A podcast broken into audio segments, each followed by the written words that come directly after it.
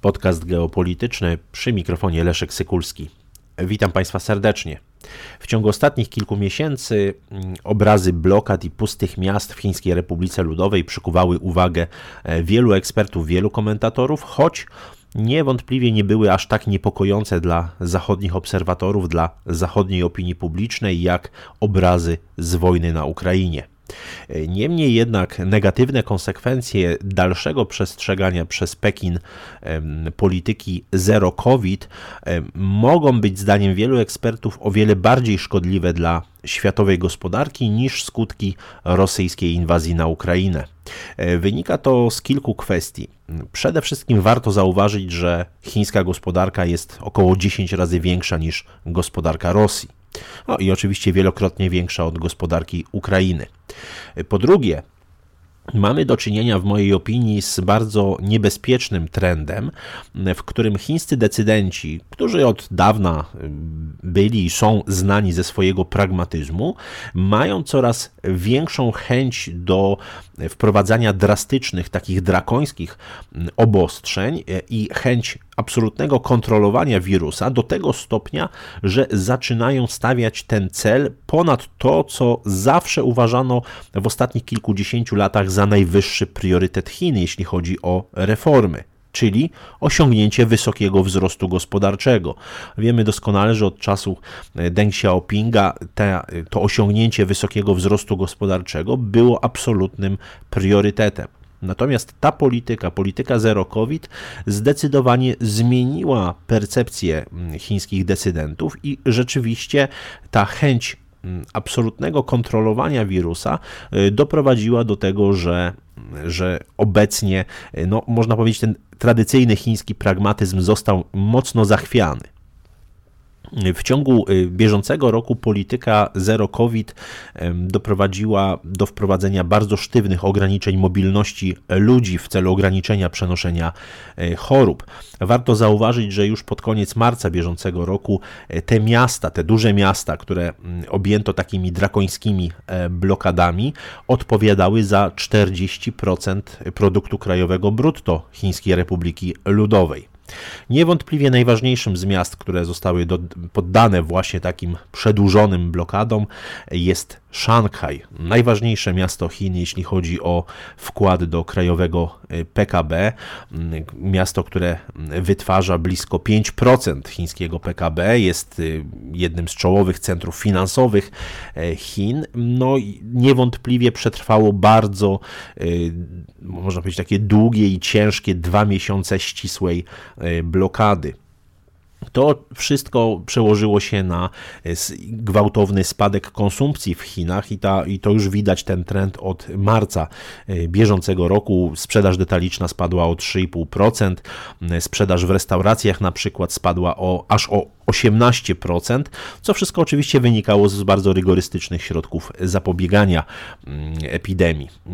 Niewątpliwie warto także zauważyć, że bardzo mocno odbiło się to e, na kwestiach i logistycznych, i kwestiach produkcyjnych, i na e, transporcie, i na całych łańcuchach, e, łańcuchach dostaw.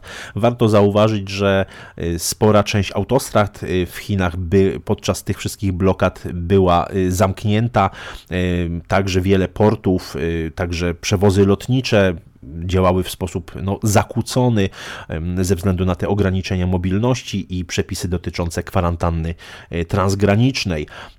Różnego rodzaju wskaźniki, które są stosowane, czy to w przemyśle, czy właśnie w usługach, wskazują na bardzo istotne spadki e, w tym zakresie także w sektorze usług, no i oczywiście w sektorze produkcyjnym, e, który, o, którym już, e, o którym już wspomniałem. E, te konsekwencje gwałtownego spowolnienia gospodarczego Chin mm, dla całej reszty świata są w mojej ocenie już widoczne.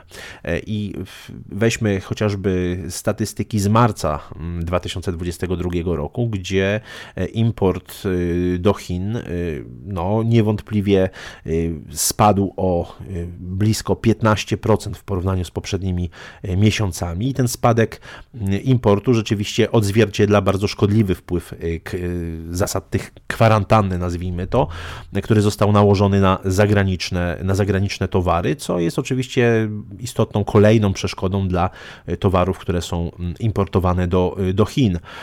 To oczywiście nie tylko kwestia problemu z importem zagranicznych towarów do Chin, ale także oczywiście kwestia eksportu towarów e, z Chin, bo to jest kluczowa kwestia, jeśli chodzi o e, wpływ, o globalne konsekwencje tego spowolnienia gospodarczego Chin.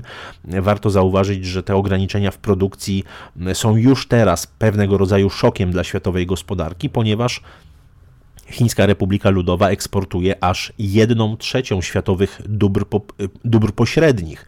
No i te problemy z, z, transportem, które wynikają z ograniczeń mobilności transgranicznej, wysokich kosztów wysyłki, mm, w, no, zdaniem wielu ekspertów również będą się utrzymywać, w związku z czym globalne łańcuchy dostaw będą nadal y, doświadczać znacznych, znacznych za, zakłóceń.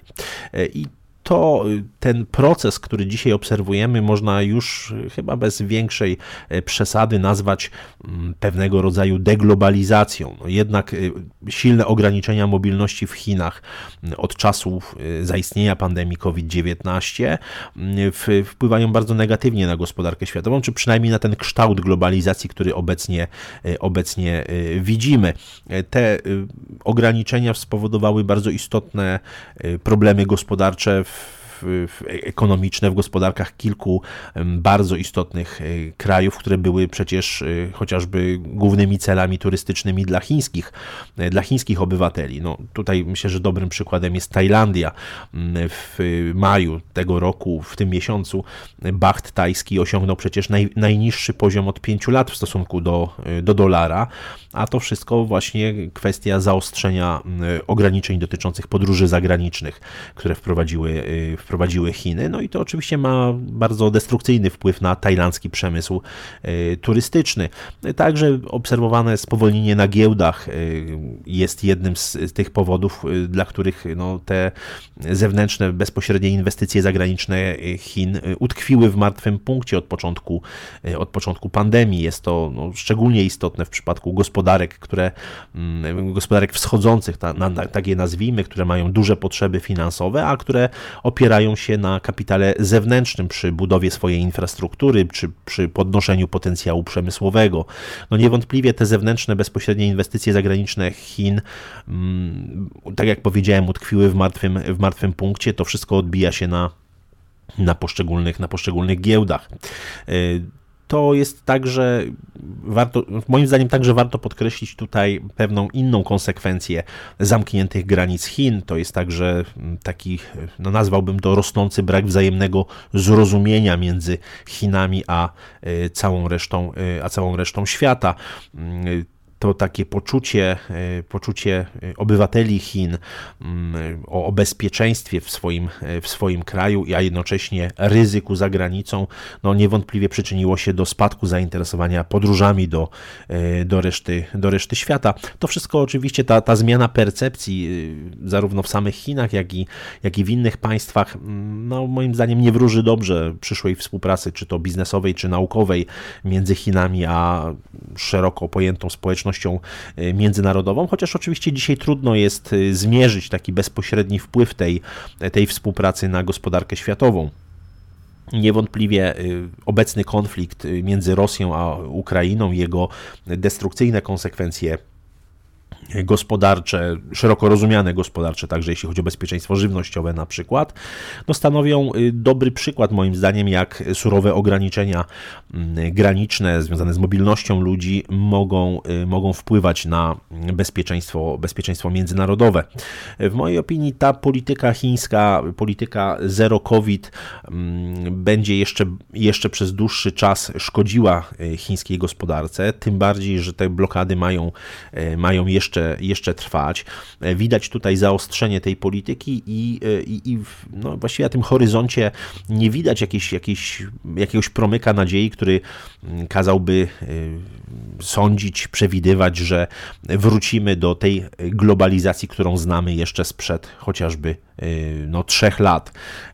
Globalna gospodarka niewątpliwie bardzo odczuje te konsekwencje przestrzegania przez Pekin polityki zero COVID. E, myślę, że będziemy mieli do czynienia ze zmniejszonym popytem na e, import e, z Chin. Moim zdaniem także przełoży się to na zwiększenie inflacji, no, biorąc pod uwagę przede wszystkim zależność świata od chińskiej produkcji dóbr, dóbr pośrednich. W takiej głębszej perspektywie, takiej jeszcze w takim horyzoncie znacznie szerszym, myślę, że będzie to y, taki katalizator y, sił deglobalizacyjnych. No, będzie to działać jako siła napędowa pewnego oddzielenia Chin od, y, od Zachodu. Dziękuję Państwu za uwagę.